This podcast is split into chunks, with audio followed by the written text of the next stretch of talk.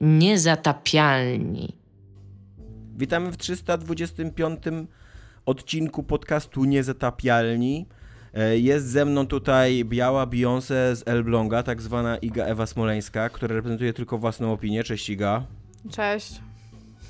Jest również Jackie Chan trafnych spostrzeżeń recenzenckich Dominik Gąska z Gdańska. Cześć Dominik. E, cześć. A ja nazywam się Tomasz Strągowski, czasem jestem Hideo Kojimą podcastowej konfer konferencjerki. Więc tak, oto jest, oto jest podcast ale nie teraz, tak? Czasem tak, ale nie teraz. Dzięki Dominik, dzięki. Ja się tak starałem. A... Nie, no po prostu uważam, że śmieszne, e... że mówiąc to się zaciąłeś. To było śmieszne po prostu. Bo to jest trudne słowo. E, jest to dosyć ja trudne całe... słowo, przyznaję. To prawda. Ja przez całe życie uważałem, że to jest konfenancjerka, a to jest konferancjerka. I dopiero dzisiaj to odkryłem. Ja nie miałem żadnych od, myśli na ten temat godziny... tego słowa przez całe życie moje. Teraz może zacznę. I, od jakiejś godziny uczę się tego słowa, żeby świetnie wypaść w podcaście, ale jak e, wypomniał mi tutaj Jackie Chan trafnych spostrzeżeń recenzenckich, e, zrobiłem kijową robotę. Chuja twoje starania są warte. No. Słucham? Chuja twoje starania są warte. Ja wiem, Jednak dobrze usłyszałem. Ja bym chciała powiedzieć, że ostatnio realnie jeden z naszych słuchaczy napisał, że e, jego żona się ucieszyła słuchając nas i powiedziała, że nawet nas lubi, to właśnie straciliśmy Dominik, dzięki. Tak, tak. A ja chciałem powiedzieć, że w komentarzu, w, komenta w sekcji komentarzy dzisiaj chciałem mówić, że fajnie jest z wami nagrywać na żywo, ale bardzo się cieszę, że nagrywam teraz online. Nie muszę patrzeć na Dominika.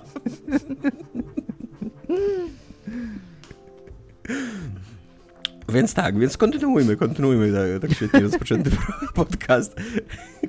Będziemy dzisiaj rozmawiać e, o showcase Sony. To jest mój temat, więc najprawdopodobniej będzie beznadziejnie opracowany. Widzę, że nawet zrobiłem literówkę w swoim własnym imieniu w agendzie, więc, więc idziemy, tak. Czasami ktoś ma taki e, dzień tak. i tak może być, no, zrobiłeś, cześć Temek. Jestem Temek, jestem Temek dzisiaj, tak. E, będziemy dzisiaj rozmawiać o wyroku w sprawie Apple versus Epic. E, Dominik będzie naszym tutaj e, ekspertem od amerykańskiego prawa korporacyjnego. I będziemy również rozmawiali o tym, że nostalgia cały czas jest w ofensywie i atakuje i że być może powstanie serial Driver i że ja bym tutaj raczej chciała właśnie powstanie... powiedzieć Tomku, że tutaj też no. zrobiłeś błąd, bo to nie jest Little Big tak, Planet, tylko Little Big Adventure.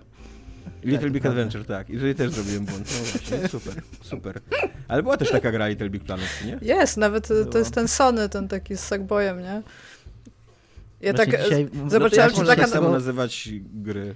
Ja nie wiem, ja no, pamiętam, to... że jak zaczęło wychodzić Little Big Planet, to stwierdziłam, mój Boże, czy to jest jakiś Little Big Adventure 2 i potem tak. się okazało, że nie, że to jakieś totalne gówno w porównaniu do tak. Little Big Adventure. Tak, więc... to trochę tak było, że właśnie tę frazę Little Big coś tam przez wiele lat w grach się kojarzyło z Little Big Adventure, po czym mol Media Molecule, tak?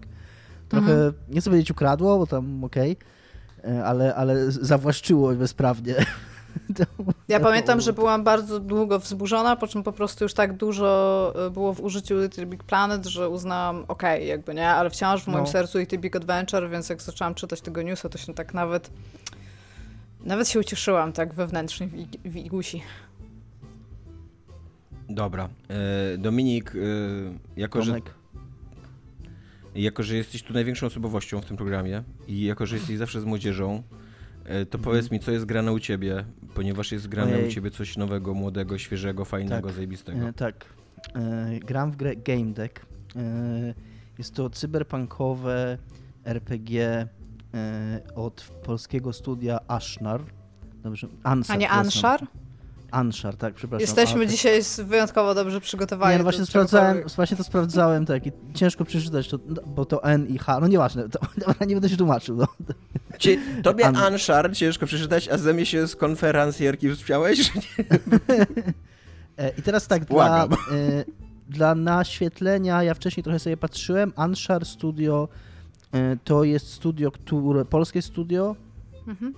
które współpracowało przy tworzeniu Baldur's Gate 3, Divinity Original Sin 2, Outriders. Zrobili generalnie outsourcing dla różnych dla różnych dużych gier, no, między innymi właśnie dla Lariana.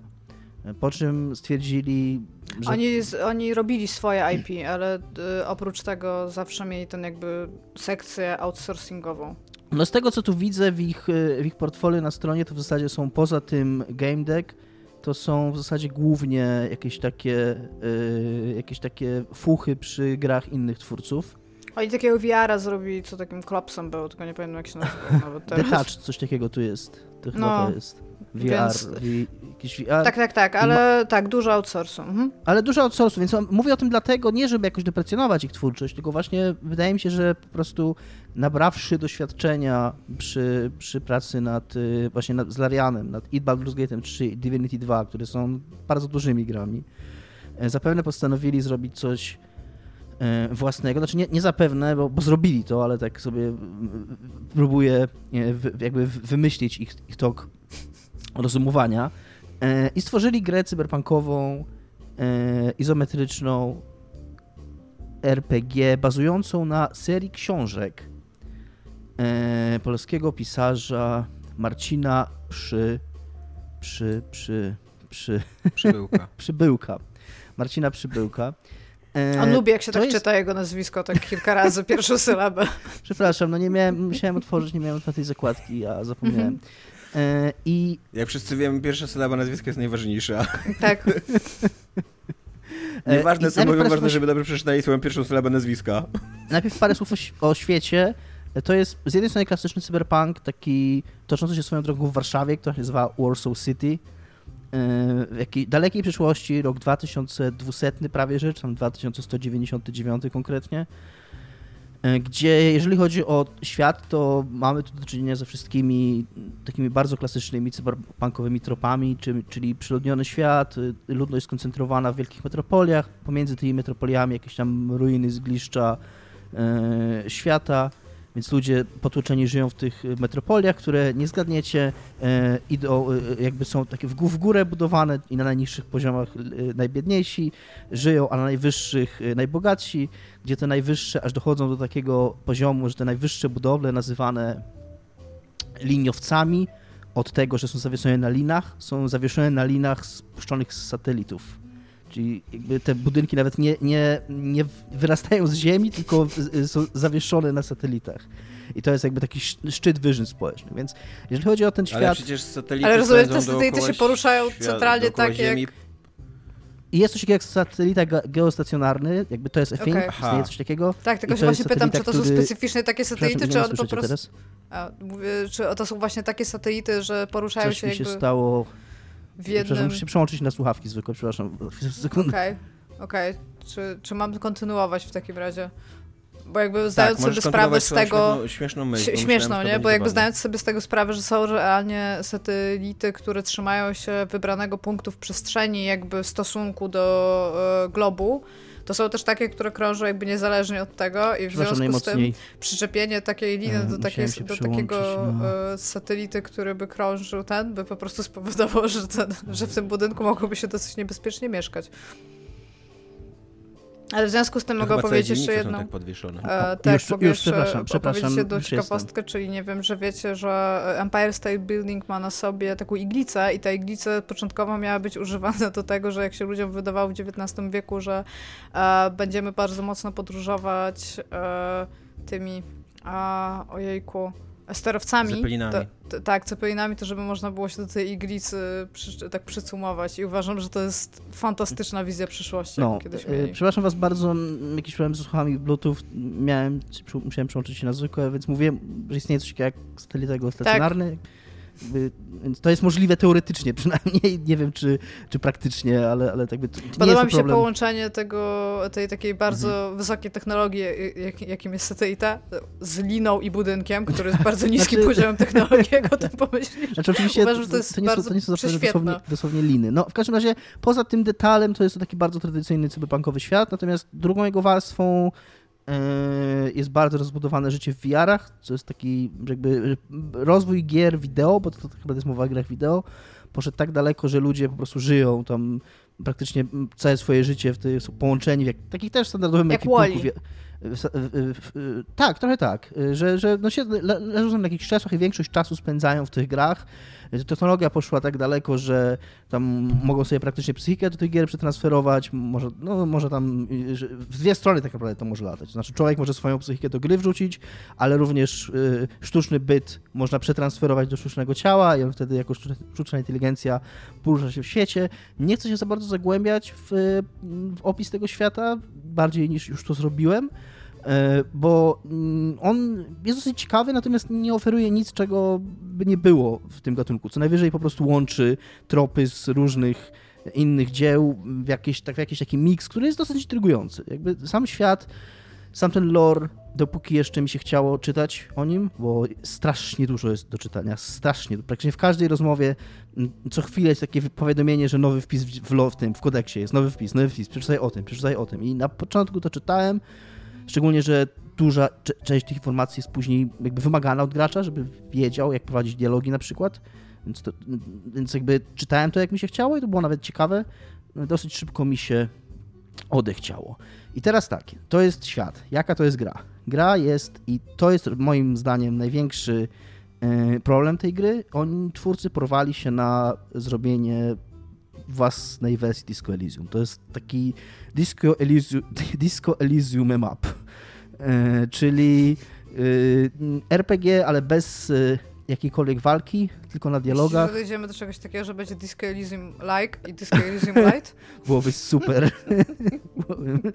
E, ale niestety to nie będzie ta gra. I jeżeli kiedyś taki gatunek powstanie, to raczej tej gry tam nie uwzględnimy, bo o ile mm, bardzo szanuję z jednej strony tą próbę i, i powierzchownie no, no nie, nie, trudno mi użyć innego słowa niż szacunek, bo nie mam nic więcej pozytywnego do powiedzenia na temat tej gry, oprócz tego, że szanuję odwagę twórców, którzy i, i jakąś tam mm, konstrukcyjną sprawność, bo jeżeli chodzi o oprawę graficzną, taką techniczną, to jak ta gra działa, jak, jak wygląda, to trudno mi, pomijając tam po prostu decyzje jakieś i umiejscowienie w takim czy innym gatunku, czy użycie tam tego, takiego czy innego E, sztafarzu, e, to, to, to pomijając takie, obiek takie, takie rzeczy, to obiektywnie jest to po prostu dobrze zrobiona gra. Natomiast tak technicznie. Natomiast to, co mm, niestety, czego strasznie brakuje i, i co jest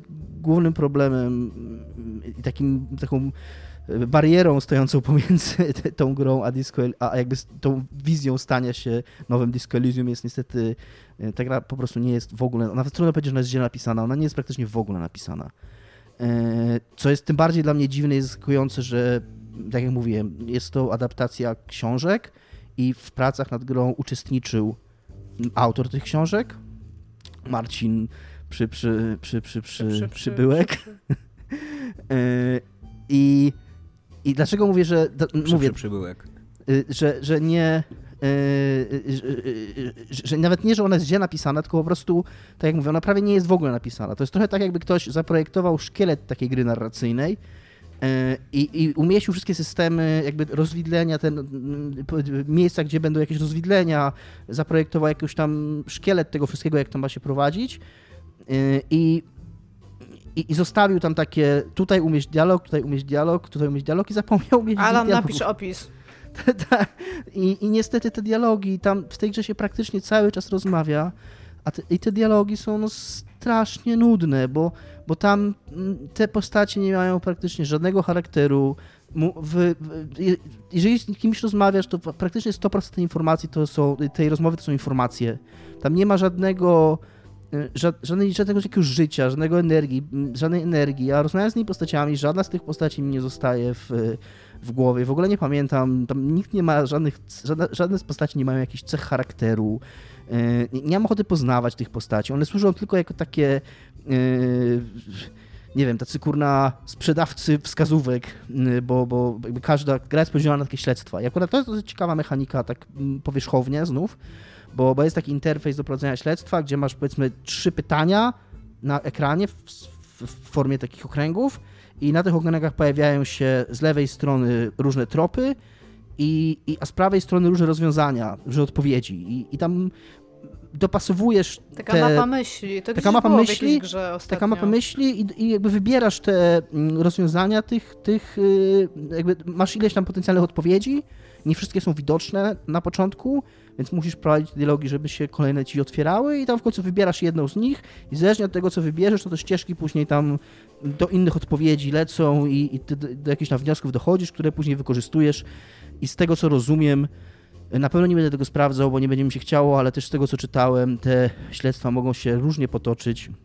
właśnie w wyniku tych decyzji podejmowanych na tej mapie dedukcji, więc to jest ciekawe. E, tylko, że no mówię, ja już na pewnym etapie to ja te dialogi po prostu przeklikuję, nawet ja je przestałem je czytać na pewnym poziomie. Na pewnym, na pewnym momencie, wczoraj grałem i dzisiaj jeszcze, nawet mimo tego, że były bardzo krótkie, bo tam nie ma nic ciekawego w nich. Tam jest na przykład, co było super w Disco Elysium, bo tu też jest system skilli, który tam w trochę inny sposób, ale odblokowujesz jakieś tam profesje, że tam znasz się na leczeniu ludzi, znasz się na hakowaniu, znasz się tam na przekonywaniu. Tam standard, nic takiego tam oryginalnego tu nie ma, ale co było super Disco Elysium, tak? Na przykład wybierałem, już nie pamiętam nazw tych skill, ale wybierałem sobie, że zajebiście znam się na pracy policji, albo na historii miasta, albo na tam łączność z duchem miasta, czy tam cokolwiek to nazwać, nie? I jakby najw największą frajdą było nawet nie raz po pierwsze czytanie tych dialogów, które były super, ale też patrzenie na to, że co, co wynika z tego, że ja mam tą umiejętność. To znaczy, ja mam umiejętność właśnie tam łączność z duchem miasta, tak? I nagle mój bohater mówi coś super, mówi coś niesamowitego, mówi coś zaskakującego. Jakby on faktycznie, ja wybieram jakiś dialog i ja widzę w tym dialogu, że moja postać faktycznie jakby y, dowodzi, że ma tą umiejętność, że, że ona mhm. faktycznie wykorzystuje tę umiejętność w dialogu. A tutaj jak to działa? Tutaj na przykład moja umiejętność bycia lekarzem przydała mi się ze trzy razy i praktycznie za każdym razem polegała na tym, że mówiłem komuś, słuchaj, jestem lekarzem, zaufaj mi. Jakby nie, w Disco, w Disco Elysium w ogóle, bo tam też miałeś e, ten Shivers, nie? że jesteś tak, tak, połączony w jakiś sposób z miastem, to to nawet nie, nie tyle co w dialogach, bo w dialogach też to, nawet... to rzeczywiście polegało, tylko jak którędyś szedłeś i ci się akurat Shivers załączyło, że to masz to, to, to, nagle coś zaczynałeś czuć z, To jeszcze miejsca, więcej, tak, nawet na, na, sposób myślenia twojego bohatera, na ten cały, na ta cała didaskalia to wpływało, ale nawet ja, ja nie mhm. mówię nawet o tym, to, to by było jeszcze, jakby to jest jeszcze więcej, ale nawet nie ma tego minimum, żebym ja widział, że, że, że mój bohater faktycznie ma tą umiejętność i, i że jakoś jakoś, że dla mnie to jest jakoś ciekawe. To w ogóle nie jest ciekawe. Mnie w ogóle nie interesuje to, e, jakby nie mam żadnej frajdy z popisywania się takim czy innym skillem, bo to jest zawsze super takie powierzchowne. E, takie no mega, mega nijakie. E, co ja tu jeszcze mam? Czekaj, patrzę na swoje, patrzę na swoje... Notatki? Mm, Chcesz na swoje notatki? notatki? Dobrze. I, i to jeszcze y, y, inna sprawa, która jeszcze bardzo zwróciła moją uwagę. Ta gra z jednej strony próbuje być taka mm, odważna w tym, co pokazuje i taka bezkompromisowa, bo jeden z pierwszych światów, do jakich się trafia, nazywa się, to dokładnie, dosłownie nie jeden z pierwszych, tylko pierwszy, pierwsza z tych gier wirtualnych, do jakich się trafia, nazywa się Twisted and Perverted, e, w której to grze ludzie realizują jakieś swoje takie odjechane fantazje, fantazje seksualne, fantazje seksualne polegające na łączeniu przeżyć seksualnych z przemocą fizyczną. E, I, i no brzmi to... Rzeczywiście, twisted and perverted. Brzmi to dosyć ekstremalnie, natomiast gra jest straszna, tak aż do aż do takiego, aż budzącego zadziwienie odbiorcy Pruderyjna y, w tym, co mówi. Tam autentycznie jest jeden dialog po wejściu do tego świata, Twisted and Perverted, przypomnę wam, w którym jest mowa o tym, że że ludzie tam czerpią przyjemność z mordowania partnerów seksualnych. Jeden z pierwszych dialogów... Snaf. Jakich, tak, to jest taki snaf praktycznie, to jest sugerowane. Y, natomiast gra się absolutnie w ogóle nie ma odwagi, jakby z jednej strony tak powierzchownie to przedstawia, że, ist, że to istnieje, natomiast jeden z pierwszych dialogów, jedna z pierwszych rzeczy, jakie można powiedzieć tam dziewczynie spotkanej na ulicy brzmi, co powiesz na zbliżenie. Ja wiem takie... Oj, ty zboczuszku. A co powiedziała? Nie pamiętam, ale i tam cała, ta cała gra taka jest. Ta, dialog... Tak, poproszę. Ta, ale to, Dominik no... nie wierzył tego dialogu, bo jest grzeszny. Nie jest Twisted and Perverted. Nie jest Twisted and Perverted, tak Albo jest tam, jest tam moment takiego przesłuchania, które, które się na, na jednej dziewczynie w tym świecie Twisted and Perverted mm, yy, odbywa i ona, jakby ona wraca do przesłuchania, zaczyna trochę ciebie przesłuchiwać, właśnie jakoś tak w, w, Mm, jakoś wykorzystując swoją seksualność, jakoś tak, jakoś, jakoś do takiej niejednoznacznej sytuacji doprowadzając i w pewnym momencie chwyta bohatera za krocze co nawet nie jest tak napisane, tylko jest napisane, że coś tam, coś tam, po czym jej druga ręka y, powędrowała, no wiecie gdzie, czy coś takiego. Takie, no, takie, miałem takie serio, że jakby on, że on, on się tak bał, jakby ten autor Dominik się... może wcale nie złapała go za krocze, może to ty jesteś tutaj z boczuszkiem, może ty jednak jesteś twisted and perverted. Że, że takie miałem wrażenie, że, że on wręcz jakby... Nie chcę powiedzieć, jakby nie chcę wchodzić, okej, okay, jakby nie chcę wchodzić do głowy i szukać teraz wyjaśnień tego, dlaczego te dialogi są takie, jakie są, ale one w pewnym, moim, mam nadzieję, że te przykłady jakoś tam ilustrują, jaki to jest problem. Na przykład, jeszcze, o, jeszcze jeden dialog mi się przypomniał, który miałem dzisiaj w klubie muzycznym, gdzie jeden z e, jest DJ, z którym można zacząć rozmawiać i on się pyta, jakiej muzyki słuchasz.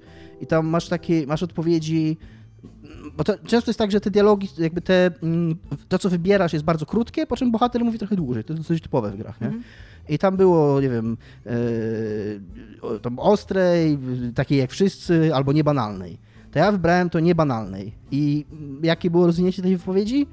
E, takie, takiej, którą pobudza... Nie, przepraszam, takiej, która pobudza wyobraźnię właśnie, to, było, to była odpowiedź. Było, odpowiedź była takiej, która pobudza wyobraźnię niebanalnej. Że nawet jakby się nie chciało, no nie, nie chciało, ale że, że gdyby chociaż, gdyby wymyślił jakiś gatunek, gdyby podał jakąś nazwę zespołu, rozumiecie, że, że gdyby... Mm. Że, że, mało ten, konkretu, mało umiejscowienia Albo nawet opisał, że nie wiem, taki, opisał, no budzi we mnie jakieś tam emocje, co nie? I przy, i, a we Albo powiedział, czy, teraz poczekaj, pokażę ci i masz taką scenę, gdzie podchodzi do no, keyboardu i gra. Tak, na przykład, a tu nic takiego i we wszystkim, ja grałem w tą grę z 10 godzin i tam Chciałem każdy... powiedzieć, przypomnieć, że Disco Elysium zrobiło z techno ciekawy gatunek muzyczny.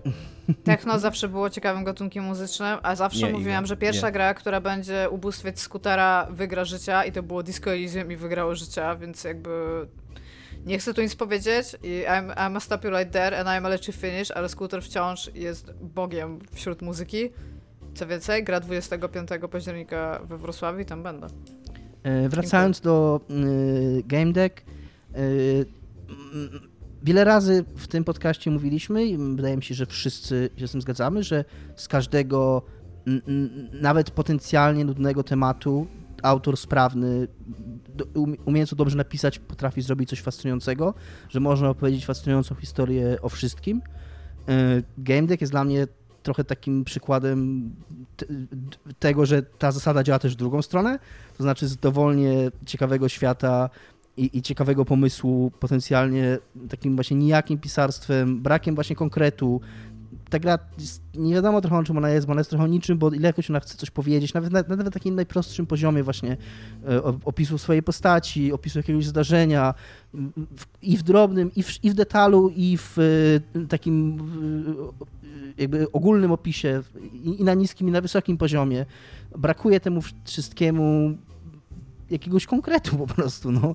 Jest to, jest wszystko takie, takie ślizganie się właśnie po powierzchni, takie bez, bez e, mówię, i zarówno jeżeli chodzi o takie małe rzeczy, jak właśnie pytam kogo, jaką tam jest wątek muzyki, to jakby, no przecież można wymyślić jakieś, jakieś przynajmniej jakieś nazwy zespołów poda i niech powie jak, no, no wiecie, pop. Dokładnie i poda, i poda przykład i, i, i, co się wydarzyło ostatnio, jak słuchał tej muzyki. Nie wiem, no ja nie jestem pisarzem. Black pop. A, a wydaje mi się, że, a wydaje mi się, że jakoś tak czuję instynktownie, że, że, że, że co by tu było lepsze, nie? niż po prostu słucham niebanalnej muzyki, która pobudza moją wyobraźnię. Nie? Wow. Yy, I, i, i, to, i, to brzmi tak trochę jak e, taki wpis nudnego użytkownika Tindera. trochę tak, taka... albo jakiś słuchasz muzyki każdej, to mi się tak. podoba. I to like, tak? To porozmawiamy no. o operze. Jakiej słuchasz muzyki proszę. tak? E, to, to jest albo autentycznie lepsze jest pytanie niż każdy. Znaczy, jest, na, jest też na przykład wątek w tej grze, że spotykasz się w wirtualnym świecie jakiegoś bogacza, nie? I, ale poczekajcie, i... bo ja teraz, przepraszam Dominik, hmm? ale czy w ogóle ktokolwiek w naszym wieku zadaje jeszcze komukolwiek pytanie, jakiej słuchasz muzyki? Czy to, jakby, to, to, się dzieje w życiu jeszcze? jakby zostawmy to. Okej. Okay. Bo to jakby być może jest jakiś kontekst, ja teraz nie, nie pamiętam jakoś super dokładnie. Mhm. Mimo, że to było dzisiaj, ale ja mówię, wszystko co się dzieje w tej grze mi jakoś tak przylatuje od pewnego, od pewnego momentu, bo w ogóle straciłem zainteresowanie. Yy, że też na przykład jest, jest taki moment, że, yy, że spotyka się w jednej z tych wirtualnych gier jakiegoś bardzo bogatego człowieka, który tam, no nie pamiętam też, ale dowiadujesz się, że on jest pracownikiem jakimś tam wysokiego szczebla korporacji, nie? I tam jedna rzecz, jaką można powiedzieć, to jest jakby spróbować go przekonać, że, żeby ci dał pieniądze, nie? Że, że skoro jest taki bogaty i skoro ma tyle kasy, to... to. I jak to wybierzesz, to co twój bohater mówi? To bohater mówi, daj mi trochę pieniędzy. A ten, a ten, typ, a ten typ mówi nie. I to jest... Przypominam również, że jest taka Disco scena prawie że tak. identyczna w Disco Elysium i jest zajebista. No właśnie, a z tego można zrobić super dialog, który Koleś jest postać... tak bogaty, że zakrzywia czasoprzestrzeń dookoła siebie. tak, już jest... I, i, I, dokładnie jakby z, z, takiej prostej rzeczy można zrobić super scenę y, mówiącą coś o świecie, o postaciach, też o jakichś tam przekonaniach twórcy, czy... czy Daj mi trochę pieniędzy. A, a, a można Nie. jednocześnie Nie. z fascynującego konceptu y, zrobić takie miałkie, nudne... Przepraszam, jak bardzo chciałem lubić tą grę, y, i włożyłem dużo energii w to, żeby ją lubić, bo bardzo dużo czasu poświęcałem na czytanie tych bardzo długich wpisów. Zresztą przy okazji każdy nowy ląduje na dole, a to listę trzeba scrollować i za każdym razem, a, a scroll na myszce działa za wolno, więc, a ten pasek jest taki malutki, więc za każdym razem muszę kursorem ten malutki pasek trafić, go przeciągnąć na sam dół, bo ten nowy wpis się na samym dole pojawił. Więc e... Nie wiem, czy ktoś kiedyś cierpiał bardziej, Dominik, ale powiem ci tak, to ludzie ludziom zgotowali ten los. Mm, bardzo chciałbym lubić tę, tę grę. Yy, uważam, że gdyby. Nie chcę.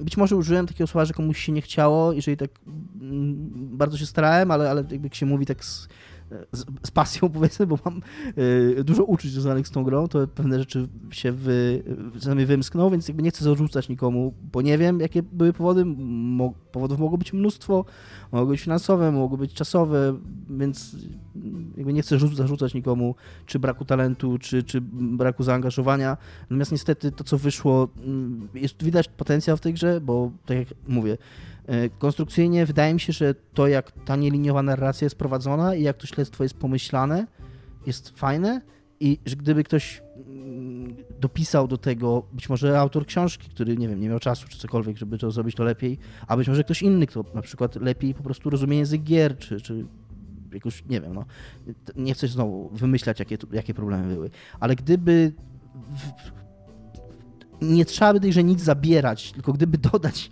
wypełnić to treścią, z, z, po, napisać te dialogi po prostu, tak żeby to się dobrze czytało, żeby, żebym ja chciał prowadzić te śledztwa, nie tylko dlatego, że przeklikam te dialogi, żeby się te opcje pojawiły na, na tym ekranie śledztwa czy na dedukcji, ale po prostu, żeby konwersowanie z postaciami, które spotykam w świecie gry, bo w tej grze nic więcej nie ma, jest tylko konwersowanie z postaciami, które spotykam. Gdybym miał z niego frajdę, to mogłaby być super gra, ale nie mam i nie jest. Przykro. E, to ja może y, zaburzę tutaj nasz y, porządek y, programu zazwyczaj e, i wejdę ze swoim, co jest grane, ponieważ mam dzieło kultury, które dokładnie ma takie same, taki sam problem, że też jakby nie chciałbym powiedzieć, że komuś się nie chciało, ale na pewno sprawia ono wrażenie, jakby komuś się nie chciało. E, chodzi mi o komiks Batman The World, czyli Batman Świat, który właśnie się ukazał w Polsce. Wydawnictwo Egmont go wydało. I to jest w ogóle bardzo jest, ciekawa, jest ciekawe założenie e, za tym, za tym komiksem, takie, żeby e, autorzy z całego świata zmierzyli się z postacią Batmana E, i opowiedzieli o nim jakieś historie, ale takie stricte osadzone w ich krajach i jakby nacechowane um, jakąś specyfiką taką lokalną, czymś takim, co nie? E, niestety, od razu na początku wam powiem, że jest tam nowelka z Polski e, i jest ona najgorsza w albumie, co jest bardzo przykre. E, tak, ja napisał, ją, dzisiaj, napisał ją Tomasz Kołodziejczak, który jest Przykro mi. Napisał ją Tomasz Kołodziejczak, który jest też dosyć znanym pisarzem fantastycznym, e, a przy okazji jest redaktorem, e, znaczy teraz już jest dyrektorem w ogóle całej sekcji Egmontu wydawnictwa dla dzieci, ale bardzo długo był szefem tego działu komiksowego. E, więc a jak wiemy, komiksy są dla dzieci, więc to się... Słucham? Łączy mu. Jak wiemy, komiksy są dla dzieci, więc to się łączy, nie? Tak, znaczy ja też tutaj, tak jak Dominik, chciałbym być ostrożny, e, ale mi się trochę tak zapala zawsze, jak o tym myślę, żółte światło w głowie, co nie? Że, że szef wydawnictwa, które wydaje to, przynajmniej w Polsce, które wydaje tą, ten zbiór, jest jednocześnie scenarzystą tej polskiej nowelki. E, a z kolei rysownikiem jest Piotr Kowalski, który jest takim polskim artystą, który e, zrobił karierę na zachodzie, ale on zrobił karierę na zachodzie głównie dzięki temu, że udało mu się całkowicie e, pozbyć jakichkolwiek przejawów własnego stylu i dostosował się po prostu do e, takiego mainstreamowego stylu przeciętności, takiej po prostu, że to wszystko jest poprawne, co nie? E, I niestety ta nowelka taka jest, co więcej, jak myślicie, zadam wam teraz takie pytanie, gdzie się, w jakiej lokacji się dzieje połowa, nawet chyba więcej niż się wydaje, połowa akcji nowelki o Batmanie w Polsce?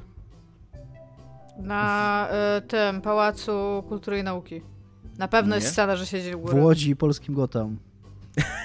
nie, to, No to bo by to było by było ciekawe. to, albo myślałam o Zagłębiu, czyli jakieś Katowice, Gliwice. Też Dzieje się, dzieje się w biurze w jakimś wieżowcu podczas negocjacji biznesowych.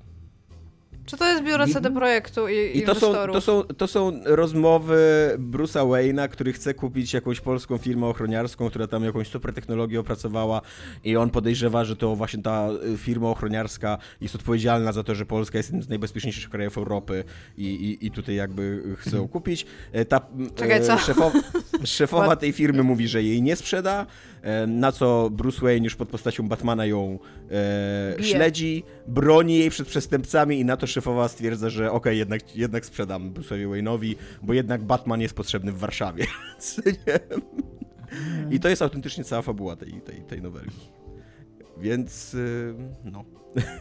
E, czekaj, ale czy, jest... czy, czy, czy dialog wcześniej Polska nie była najbezpieczniejszym krajem w Europie? Tak. To przed kim Batman To, musiał to właśnie, kto ją zaatakował? Przed jakimiś, przed jakimiś takimi zwykłymi handlarzami narkotyków, coś takiego, jakimiś takimi zwykłymi. I, I ona jeszcze ma w ogóle bardzo dobry argument za niesprzedaniem tej firmy, bo ona mówi, że ona nie chce Gotham w Polsce. Że nie chce, żeby ci wszyscy psychopaci, tacy w stylu Jokera, Bane'a i tak dalej, żeby oni wszyscy przyszli do, e, przybyli do Polski, bo ona jakby. e, Oni. E, Ona uważa, że oni są odzwierciedleniem tego, że istnieje Batman, co jest w ogóle bardzo popularną teorią w analizowaniu Batmana, że jakby ciekawe, czy gdyby w Gotham nie było Batmana, to byliby ci wszyscy ludzie, którzy są jakby odpowiedzią na Batmana, co nie? E, I ona ma jakby słuszny, słuszny point, co nie? Zostaje zaatakowana przez takich zwykłych przestępców Myślisz, i nagle Bruce zmienia zdanie. zapla- zapłacił tym ludziom? Bo ma Nie, pieniądze, nie, nie, im nie. zapłacić. Nie, nie, no tutaj, znaczy mogę opowiedzieć, bo to w sumie jest 10-stronicowa nowelka, to chyba nie można czegoś takiego zaspoilerować, tak mi się wydaje. W każdym razie zaspoileruję. E, ona jest trochę takim polskim Batmanem, tylko bez supermocy i e, oczywiście tam śledzi całe środowisko e, przestępcze w Polsce i e, chce zrobić fotografię podczas transakcji tam narkotykowej, co nie? No i ci przestępcy ją nakrywają na tym i chcą ją pobić, albo zabić, albo coś innego jej zrobić i Batman interweniuje i dlatego ona sprzedaje swoją firmę. Czy myślisz, że jak Bruce Wayne jedzie do Polski, nie, bo pewnie to robi Bruce No, Wayne, tak. to bierze ze sobą cały ten strój i wszystko batmański? Tak. To się na pewno Znaczy, to, dzieje, bo to, to jakby wiem, bo w tym komiksie tak jest, więc Znaczy, obviously tak się dzieje, jest, ale... y, bo tam są nowelki z całego świata. Tam jest Turcja, mm, Hiszpania, Korea Południowa, Chiny, Japonia. E, i Czy Japonia to jest przynajmniej- manga? Tak, jest manga narysowana, ale też jest bardzo kiepska. Jest też niestety bardzo kiepska na poziomie graficznym. I, I w ogóle nie ma takiej mangowej, y, filmowej narracji, co nie w ogóle nie wykorzystuje takich typowych japońskich y, schwytów narracyjnych, niestety. E, no ale w każdym razie są tam nowelki z całego świata i też jakby czasem na przykład Bruce Wayne znajduje się w innym kraju ze względu na to, że pojechał na wakacje albo tam jakieś biznesy robić i jest kilka razy poruszany ten temat, że on wozi ze sobą kostium wszędzie. Więc tak, ale poza tym, że trochę hejt, znaczy, że hejtuje tą Polskę, znaczy nie hejtuje, ale po prostu uważam, że jest autentycznie bardzo, bardzo nudna i, i absolutnie nijaka i nie ma w ogóle nic ciekawego do powiedzenia ani o Polsce, ani o Batmanie, co nie? Wydaje mi się, że po to się robi takie projekty, żeby albo powiedzieć coś ciekawego o postaci, albo powiedzieć coś ciekawego o kraju, co nie? To autentycznie żadna z tych nowelek nie jest ciekawa. W ogóle jeszcze mega śmieszne jest to, że ona się otwiera od amerykańskiej e, nowelki, co ja, ja tam mam wystarczająco dużo amerykańskich Batmanów, nie potrzebuję jeszcze w takim projekcie kolejnej amerykańskiej nowelki i ta amerykańska nowelka jest również bardzo słaba, jest takim jakby wprowadzeniem do projektu, że tutaj Batman teraz twierdzi, że on nie może się zatrzymywać tylko na Gotham i musi na całym świecie tam w ogóle interweniować e, i tą nowelkę popełnił Brian Azarello i Lee Burgiamo, Buriamo, niestety nie wiem jak się czyta to nazwisko. E, I ona, ona też jest bardzo kiepska i jest totalnie w takim stylu właśnie ich nowelek, bo oni, naszych ich, ich komiksów, bo oni pracowali ze sobą już wcześniej e, i absolutnie niczym nie zaskakuje. Dobra, jest coś, e, jaka jest najlepsza? Jest jedna, jedna jest, która być może Lee Bermejo, tak, tak mi mówi, że się czyta. Ber, że, ale to chyba powinno być G raczej. Berme, Bermejo? Może też być Ber, H, jeżeli jest. Bermejo albo H, albo Bermejo, może tak. E, no, przepraszam, w każdym razie nie wiem, jak się Może nie Hiszpanem, ale jeżeli to jest hiszpańskie nazwisko w ten sposób. E, jest jedna ciekawa nowelka. Ona nie jest być może wybitna, ale jest nowelka rosyjska napisana przez Kirilla Kut Kutuzowa, Egora Prutowa, a narysowana przez Natalię Zajdową e, która jest taką opowieścią o mieszkańcu ZSRR, który w dzieciństwie dostaje długopis z Batmanem i on nic nie wie o Batmanie, ale ta postać jest dla niego tak fascynująca, że w ogóle jakby i on jest nią zafascynowany i dzieciaki z jego podwórka są zafascynowani i wymyślają przygody i jeden uważa, że Batman tam chroni zwierzęta, drugi, że mm, pomaga ludziom, a dziewczynka z ich paczki uważa, że Batman to jest taki podróżnik kosmiczny. No i tam w międzyczasie... Super cool, co mówisz w ogóle. Tak, i w międzyczasie on dorasta, jakby cały czas z tym, z tym Batmanem gdzieś tam w tyle świadomości. E, zaczyna być takim artystą rysującym satyrę polityczną, łamane na komiksy takie propagandowe, ale takie już propagandowe jakby po pierestrojcy, co nie, że jakby takie dobre propagandowe w kierunku demokracji, co nie, mhm. idące. I w końcu na starość e, ma szansę e, się spotkać z Bruce'em Wayne'em w, w Gotham, który się w ogóle nie starzeje, co też No właśnie chciałam powiedzieć, to Bruce tak. Wayne jest wtedy dużo starszy, skoro miał No właśnie nie, jest takie, Batman, no, nie, no, jest takie puszczenie oka totalnie do tej takiej nieśmiertelności superbohaterów, co nie?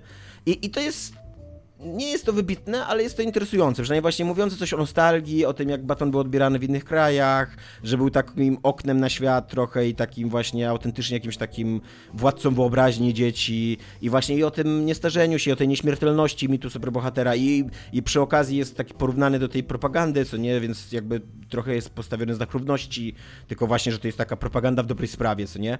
Więc autentycznie jest to coś interesującego, ale to jest jedyne, jedyna z tych nowelek, która w jakikolwiek sposób jest w ogóle ciekawa.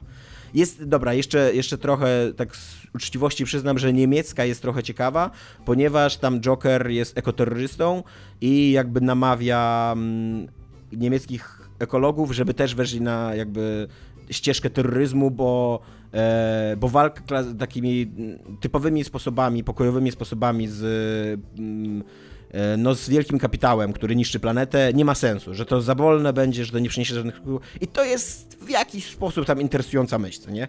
Więc przynajmniej jest to taki komiks, po którym sobie myślisz, hmm, co nie, nie taki głupi ten Joker. E, ale tak, ale jakby bardzo ciężko jest mi polecić ten komiks komukolwiek więc go nie A ile polecam. to jest taki gruby komiks? Bo z tego co mówisz, to tych nowelek jest tam ileś. Jeżeli ta Polska ma 10 stron, to nagle tak zaczęłam sobie to zliczać, to to nie jest taka, taka książeczka chyba, co? No jest to taki dosyć standardowej długości mm, trade taki, co nie e, DC, ale ile ma stron, to ci teraz nie powiem. No ale to nie jest takie, jak takie, co kiedyś za 5 zł kupowało tam 25 stron na krzyż. E, czekaj, wchodzę tam... na stronę internetową. Mm, nie, ja tak nie chciałam, żebyś mi podał taki Nie, nie, nie. Jakby... Nie. Co nie? 184. No to to jest taki w miarę okej, okay, nie? 184 strony, tak. żeby no tak. Przeczytać. Czytałem go dwa dni, tak po dwie, po dwie godzinki mniej więcej, co nie? Więc, więc tak, no jakby jest to uczciwa lektura. Jeżeli ktoś kupuje komiksy po to, żeby uczciwie spędzić nad nimi czas czytając, to być może, to takim osobom mogę polecić, jakby, nie? Jeżeli nieważne jest dla was, co, czytanie, co czytacie, tylko ile czasu spędzicie, jeżeli przyliczacie jakby stronę na złotówki. Chociaż też nie jest to tani komiks, bo kosztuje tam chyba stówkę na okładce, ale tam dostaniecie go pewnie w internecie za 5 dyszek już, bo komiksy strasznie tracą na wartości. E, no, więc to, e, to jest jedno grane u mnie i nie wiem, czy teraz lecimy z drugim moim, co jest grane, czy jaki, jak wprowadzamy, jak wielki chaos, jak myślicie? Ty tu jesteś władcą chaosu, więc rządź nim. Bądź władcą chaosu, to masz. Rządź i rozdzielaj chaos. No dobra, to w takim razie Iga y, opowie o swoim temacie teraz. Go! Ja mogę opowiedzieć o swoim temacie, że nostalgia się dzieje i nostalgia wciąż jest bardzo silna i dochodzimy do takiego wieku, że te gry z lat 90. to już tak y, mało pewnie kto z nas, cokolwiek z nich tak pamięta jeden do jednego, ale pamiętamy, że mieliśmy jakieś myśli, jakieś uczucia związane z tymi grami. I tutaj jakby ja mam taki, ja mam taki jakby podwójny temat, ale jakby zacznę od tego, co jest bliżej mojemu igusiowemu sercu. A, I to jest właśnie Little Big Adventure, o którym też mówił wcześniej Dominik, taka izometryczna... Nie mylić z, z Little Big Planet. Tak, proszę, proszę nie mylić, bo jedno jest bardzo nostalgic, a drugie jest w ogóle czymś zupełnie innym. a, I to była taka izometryczna przygodówko, zręcznościówko, platformówka, jakby to była bardzo dziwna gra, kiedy ona wyszła. Nie było takich gier. Jakby ona wyszła i ona była. Aut automatycznie się widziało, że to jest coś zupełnie nowego. Ona była bardzo kolorowa, jak na tamten czas. Ona była, na jak na tamten czas, ślicznie animowana. I ją zapamiętałam jako taki coś bardzo wysokiej jakości. No i właśnie e, ta oto gra, ten Little Big Adventure, ma e, wrócić w takim swoistym reboocie, który oczywiście no, będzie zrobieniem jej zupełnie na nowo, natomiast właśnie i tutaj jest pytanie, zachowując co? Zachowując lore, bohaterów, tą samą historię, może opowiadając na jakimś, w jakimś innym jakby silniku, na innej technologii. I mija w tym roku 27 lat od czasu, kiedy wyszła tam ta pierwsza część, bo ona potem e, wyszła jeszcze druga część Little Big, Ad Little Big Adventure 2. I Adeline Software, które wtedy wydało tę grę, ma zamiar pod ludźmi, którzy również e, działali przy e, jakby oryginale, czyli Frederiku Reinalu i Didierze i teraz Pisze się to przez CH i jest e, Han Fry i czy to się czyta Chanfro, czy jakkolwiek się czyta nazwiska francuskie, niestety jestem bardzo niewykształcona z języka francuskiego. E, mają zamiar w studiu 2,21, e, które ma zająć się zająć rebootem, pomóc przy robieniu właśnie tego rebootu. A ten reboot jeszcze nie powstaje w tym momencie. To jest taka informacja, że, że powstanie i jak najbardziej będą rozpoczynać nad nim pracę, natomiast to jest jeszcze ewidentnie faza koncepcyjna, nawet nie faza taka stricte preprodukcyjna. Czyli jeszcze A, absolutnie nic nie mogą powiedzieć, jak sobie Jeszcze tak, tak. Jakby jedyne co, no to jakby wiemy, że będzie się opierało na, na tym, co wyszło w latach 90. i tak naprawdę no, trudno cokolwiek więcej powiedzieć. Natomiast ten news jest moim zdaniem na tyle świeży i fajny, że ja po pierwsze się sobie znowu przypomniałam o tym, że ta gra istniała. A jakby mam nawet ochotę wrócić do niej i zobaczyć. Ja jej nigdy nie skończyłam, ona była dla mnie za trudna, jak ja byłam mała. Ona była nie dość, że była trudna, to jeszcze miała fatalne sterowanie. Tak, a właśnie, a przy okazji była zręcznościowo-platformowa y, tak. miejscami. I jeszcze miała taką jeszcze... broń, taką kulkę, którą się rzucało i przez to sterowanie słabe ta kulka była mega niewygodna w ogóle jako, jako jakakolwiek broń. Ja tam jeszcze pamiętam, że ona bardzo mocno rozróżnia, czy ty biegasz, czy chodzisz na bardzo wielu tam różnych e, takich zagadkach czasowych kiedy musiałeś na przykład coś otwierać i potem gdzieś pobiec, tylko że to bieganie i chodzenie nie było takie e, jakby bardzo seamless, tylko trzeba było jakby wpłynąć na to, żeby ten bohater biegał i pamiętam, że nawet to już było toporne w tamtym momencie, ale wciąż pamiętam, że grałam w nią mega dużo. Zawsze Ona zaczynałam oczywiście od początku. konwencję graficzną, jak na swoje tak. czasy i mega tak. ciekawy świat. Tak, miała super świat, bo tam był taki świat półmagiczny. No ale jednak jakiś taki ja ugruntowany też wciąż. Też najbardziej pamiętam tą konwencję graficzną, bo ta konwencja graficzna, mm, przez to, że to było na takich kulistych kształtach wszystko oparte mocno, to ona się wydała, wydawała taka dużo mniej Low poly. Dużo mniej low poly, chociaż była bardzo low poly. Wydawa znaczy, ta grafika paradoksalnie wyda wydawała się mieć dużo lepszą jakość wtedy, bo też e, w tamtych czasach, kiedy były pierwsze przymiarki do, do różnego rodzaju przerywników prerenderowanych, czy takiego różnego CGI, to właśnie CGI było kojarzone z mniej więcej takimi kształtami.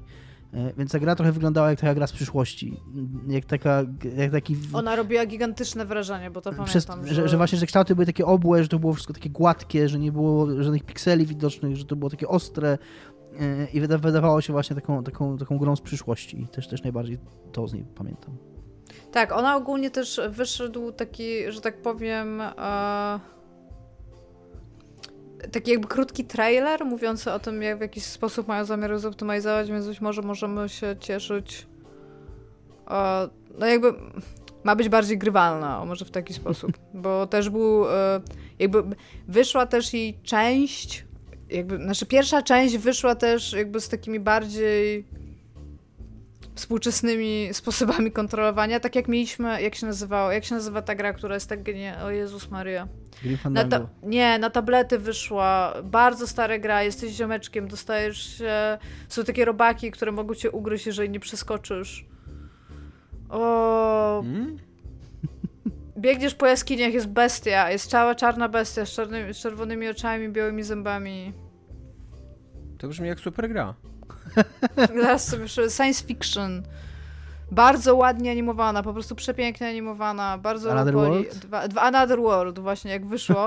wow. No to wszystko ci opisałam To był bardzo dziwny opis Another World. Ale był I, i bardzo Przede wszystkim jasny. Another World to nie jest gra na komórki. Ale wyszła na komórki. Nie, tak. no, wyszła, wyszła, na tablety. Ale... Na mówię, że wyszła właśnie jakby odświeżona, na zasadzie, że może, hmm. że troszeczkę jakby usprawniała sterowanie. I w związku z tym możecie sobie przypomnieć Little Big Adventure, jeżeli byście chcieli. I co więcej, oprócz tego, bo to jest właśnie, jak powiedziałam, łączony temat, jest jeszcze gra, która mi najbardziej osobiście utkwiła e, w pamięci jako tego, że nie potrafiłam przejść tutoriala i był po prostu najgorszy. Tak. O Boże, opowiedzieć wam historię o tym, jak pożyczyłem kiedyś PlayStation 2 od mojego przyszłego sąsiada Dobrze, to tylko, że chodzi o drivera, a teraz tam opowiada tak. historię. I, I byłem tak na maksa podniecony driverem, że przecież driver to jest super gra i ona w ogóle rewelacyjnie wygląda już nawet na tym trailerze, co nieco tam gdzieś tam latał wtedy.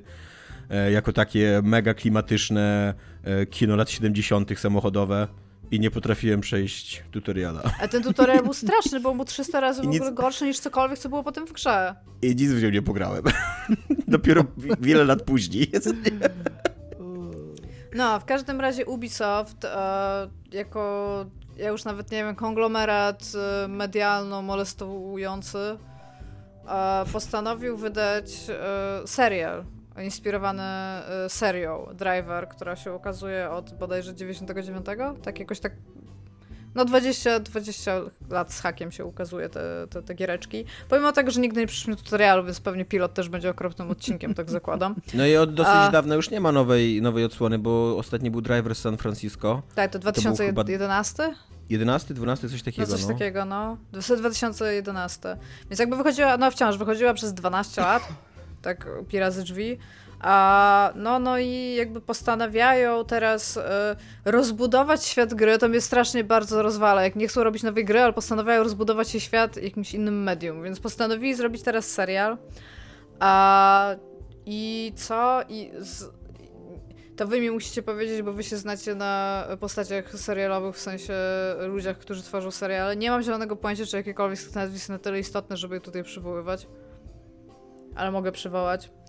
E, Jason Altman, Daniel Krajnik, Krej, Krajnik, e, Genevieve Jones i e, z producentem Alan Ungarem i Vincentem Talenti. oni, ci wcześniejsi, którzy nie byli producentami, są executive producers, będą tworzyć jakby ten serial. Nie wiem, czy to jest ważne w jakikolwiek sposób, przepraszam, nie znam tych nazwisk. I ten, no tak jak powiedziałam, mają zamiar e, rozszerzyć e, jakby ten świat, który był rozpoczę rozpoczęty w grze. Natomiast e, Natomiast jakby nic więcej za bardzo o tym nie wiadomo. To też jest raczej faza tego, że zapowiadają, że coś takiego w ogóle będzie się działo. I oprócz tego, czego się dowiedziałam również z tego newsa, powstaje bardzo dużo seriali na, na temat IP, które są, e, które są Ubisoftowe w tym momencie, z czego sobie... No bo Ubisoft ma w ogóle teraz taki wielki plan, żeby wejść w telewizję. Tak, tak, tak. No i właśnie to, to mnie zdziwiło i to był dla mnie taki Quest, dużo... Ja tylko z wnioskiem formalnym, to jest zawsze skomplikowane dla mnie, bo te nazwy są trochę, takie trochę mówią coś przeciwnego niż. Yy, że executive producer, tak? Że executive producer to jest właśnie ten, który jest tylko, tylko nadzoruje, a nie robi nic faktycznie. Tak, tak, tak. No, ale jakby a zazwyczaj chciałam... w ogóle tylko daje pieniądze. Tak, a, a no, ba bardzo mimo, że nazywa, tak. mimo, że nazywa się executive, to, to, po polsku wykonawczy, to to jest właśnie ten, który nic nie robi. Który nie jest wykonawczy. tak, tak. Nie, producent niewykonawczy. No bo, a, to, dobra, jest tak, to jest takie, no bo to jest takie toporne tłumaczenie angielskiego słowa executive. Angielskie tak, tak executive tak, tak, no. właśnie to jest po prostu ktoś, kto rządzi, tak? Y, jakby a, nie ktoś, kto wykonuje pracę. E, co tutaj chciałam powiedzieć, i to mnie właśnie bardzo zainteresowało, to powstają jeszcze e, seriale The Division, Beyond Good and Evil, Assassin's Creed, co pewnie cieszy Dominika bardzo Strasznie mocno. Cieszy, no. ale Film również projekty dobry. animacyjne, co jest w ogóle fenomenalne dla mnie, czyli Splinter Cell, Far Cry i Captain Laserhawk a Blood Dragon Remix. I to jest kurde super ciekawe. To, to, to jest realnie coś, co mogłabym zobaczyć, nie? A, no, no tak. ale tak jakby e, powstaje driver, mówię, jeżeli e, będzie takie jakby kluczowe elementy e, pierwszej części Drivera, którą ja bardzo mocno pamiętam, jeżeli chodzi o nostalgiczną rzecz, będą jakby na swoim miejscu, to pilot będzie nie do obejrzenia, ale potem już może będzie super. Jest y, niedługo chyba, że nie wiem na ile niedługo, ale chyba zdjęcia się już skończyły, y, więc jakoś tam żyjemy w świecie, w którym serial Last of Us powstanie tak. E, produkowany przez HBO z e, dobrą obsadą, dobry, dobrą ekipą w to zaangażowaną. Jakby wszystko wskazuje na to, że nie chcę od razu mówić, że ten serial będzie dobry, bo nie wiadomo, ale yy, no, że zostały zainwestowane poważne pieniądze w ten serial. Yy, ma predyspozycję. Ma predyspozycję, dokładnie, do bycia czymś dobrym, więc być może nadchodzimy w ogóle, yy, zbliżamy się do, jakiejś, do jakiegoś świata nowej rzeczywistości w ogóle seriali growych, które da się oglądać. Nie wiem, zobaczymy, czy tak będzie. To jest bardzo jakby wysoko postawiona poprzeczka Dominik. Ja nie wiem, czy jesteśmy w stanie do niej kiedykolwiek doskoczyć. Tylko też mi się podoba, bo w takim razie, skoro chcą roz, tak bardzo rozszerzyć ten świat gry Driver, to na przykład ja się spodziewam powieści. To jest coś, co bym chciała zobaczyć. Jakby driver, ale napisany przez jakiegoś takiego dobrego... Zaufaj mi, nie, spo... nie, nie, nie chciałabyś tego zobaczyć. Jakby znaczy, ja pewnie powieści oparte na książ, na, na grach albo na, nawet na serialach, to zazwyczaj nie jest nic godnego uwagi. Ja wiem, aczkolwiek e, czytałam trochę książek bazujących na Magic the Gathering i pamiętam, że w czasie, kiedy je czytałam, to były w miarę okej okay, niektóre z nich. Więc myślę, że, i win some, i lose some, nie? Myślę, że bardziej okej okay były czasy, w których żyłaś. Byłam nastolatką też, że no strasznie, strasznie mi się wydawało twórczość Sypkowskiego to był taki, wiesz, pinnacle po prostu tego, co można osiągnąć w fantasy, więc tak, no mogło, mogłam być troszeczkę. Kurde, to jest, coś, czego, to jest coś, czego ja nigdy nie robiłem i teraz trochę żałuję, że nie byłem taki fajny jak ty. Nie czytałem nigdy książek Magic the Gathering. Mogę ci Mimo... kiedyś sprezentować burzę na draft, bo z jakiegoś powodu ją najbardziej pamiętam. Mimo, że grałem. W... Ona musi być okropna, więc ja bym co więcej, ja ci mogę sprezentować tę książkę, ale ty ją przeczytasz i mi powiesz, czy, czy, czy powiesz mi, jak miałam te naście lat, jak ją czytałem, czy to jest dobra książka. Dobra. Dobra. Tomku, a co jest jeszcze u ciebie grane? Bo powiedziałeś, że masz jeszcze jedno i że chaos ciągle tak, istnieje. Tak, jeszcze chaos ciągle istnieje. Jeszcze została przeczytana y, książka u mnie, a że ostatnio został pochwalony kącik literacki w naszym podcaście, to będę to po prostu już do końca świata ciągnął. I... A ja bym chciała powiedzieć, że w tym komentarzu, gdzie też został pochwalony i właśnie między innymi przez tą żonę słuchaczy, to już straciliśmy przez Dominika na początku tego odcinka, więc musisz teraz Tomku tak zabłysnąć, żeby dwie żony słuchaczy nas zaczęły słuchać. A gdzie były te pochwały, bo ja chyba ich nie widziałem, a też nie e, Pod wątkiem na grupie. Tak, no więc przeczytałem książkę Weiser Dawidek e, Pawła Hille czy Hillego, Hillego chyba, bo to polskie nazwisko powinniśmy odmieniać, Pawła Hillego. E, książka jest, jak możecie się podejrzewać, o Dawidzie Weiser, Weizerze, e, czyli o takim żydowskim dziecku, które żyje w powojennym Gdańsku.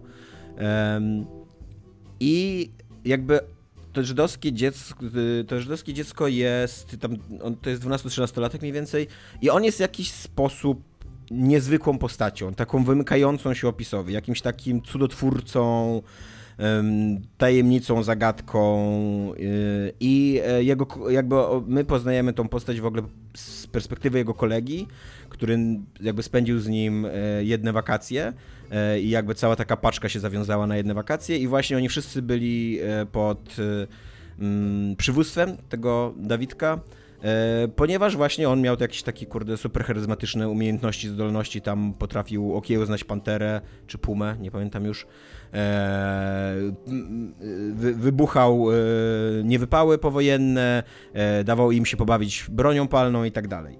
No i jakby od początku wiemy, że to wszystko się źle skończyło, że Weiser Dawidek zaginął, że nie wiadomo co się z nim stało, E, ale jakby nie wiemy do końca co, a jako, że to jest książka, która została napisana w latach 80., więc ona jest postmodernistyczna i bardzo dużo wagi przykłada do tego, że jest jakby opowiadaną historią, że jest narracją i że narracji nie można wierzyć, więc ona jest taką narracją podwójną, bo z jednej strony poznajemy historię tych chłopców poprzez ich zeznania tuż po zaginięciu tego, tego Dawidka, e, bo jest prowadzone takie śledztwo w szkole, co się z nim stało i jeszcze z ich koleżanką, która się później odnajdzie. To też dosyć szybko się dowiadujemy, że ona nie zaginęła.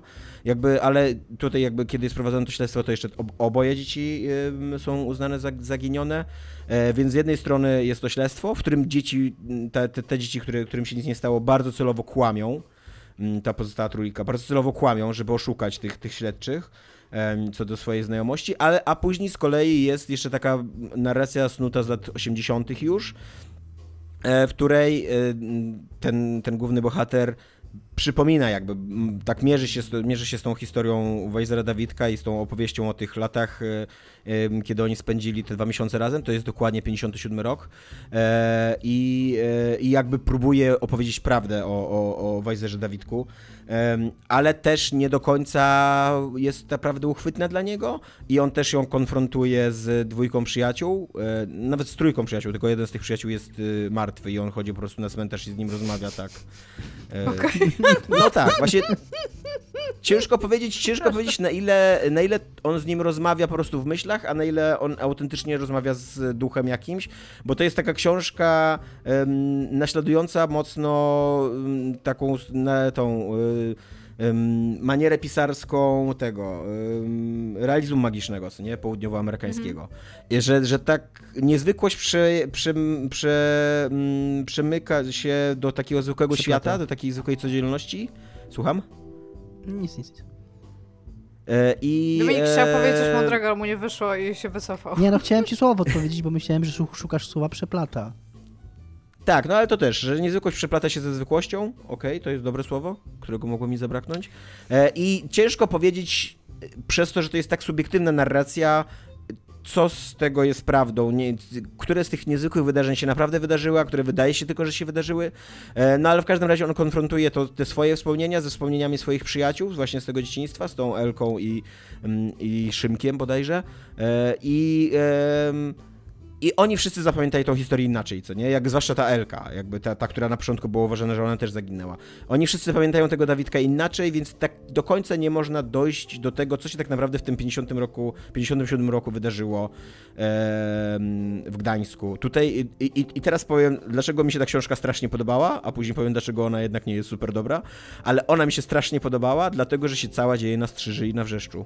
E, I ja jakby sięgając po nią, wiedziałem, że Paweł Hille jest gdańskim pisarzem i wiedziałem, że ta książka się rozgrywa w Gdańsku, ale totalnie nie miałem pojęcia, że głównie bohaterowie będą chodzili do liceum, które jest po prostu jedną ulicą ode mnie i będą mieszkali nie w moich blokach, bo moje bloki już są tam po, powojenne, ale tutaj w okolicy są jeszcze takie mm, przedwojenne kamienice i oni właśnie mieszkają w tych przedwojennych kamienicach. Opisywane są stare knajpy w Gdańsku, opisywane jest kino, które już, kino Znicz, które już nie istnieje, Dominik pewnie pamięta kino Znicz. Um, tak, opisywany jest garnizon. Ono się nazywa tak, jakby mogło już by nie istnieć, wiecie? Tak, jak się tak nazywa kino, to wiesz, że kiedyś będzie taki moment, że będą ludzie mówili, że ono nie istnieje. I był... Jest jeszcze kino tramwajarz też opisywane.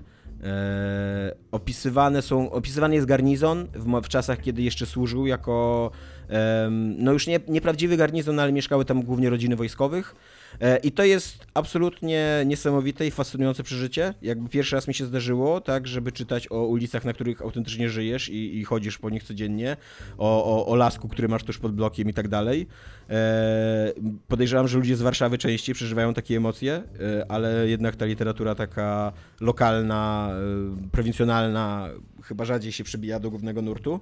A to jest książka, która była swego czasu dosyć głośna i tam była bardzo doceniana, więc, więc bardzo mnie to kręciło. A to jest dobra książka, tak jakby uczciwie chcę powiedzieć, że się dobrze przy nim bawiłem, ale uważam, że to jest książka nie do końca udana konstrukcyjnie, bo ona właśnie. Mm, ona ma 200 stron, więc nie jest długa, a i tak jest za długa, bo jakby najciekawsza jest ta historia o tej, o tej, o tej grupce przyjaciół i o tym, jak to, jak autentycznie wyglądały te ich wakacje, co tam się działo za cuda i, i co się wydarzyło na końcu, jakby postawienie takiej zagadki, kim był e, Weiser Dawidek i czy on był Hochstaplerem, czy on autentycznie był jakimś magiem, jakimś niezwykłym dzieckiem, e, czy on zaginął, czy nie zaginął, czy żyje, czy gdzieś uciekł, jakie były jego plany i tak dalej, ale poprzez to, że ona się tak bardzo bawi z tą narracją i właśnie tak bardzo e, jest taka postmodernistyczna, to ona bardzo dużo wagi przykłada do tych dwóch perspektyw czasowych, z których jest opowiadana ta historia, czyli do, tego, do tych zeznań i do tej współczesności.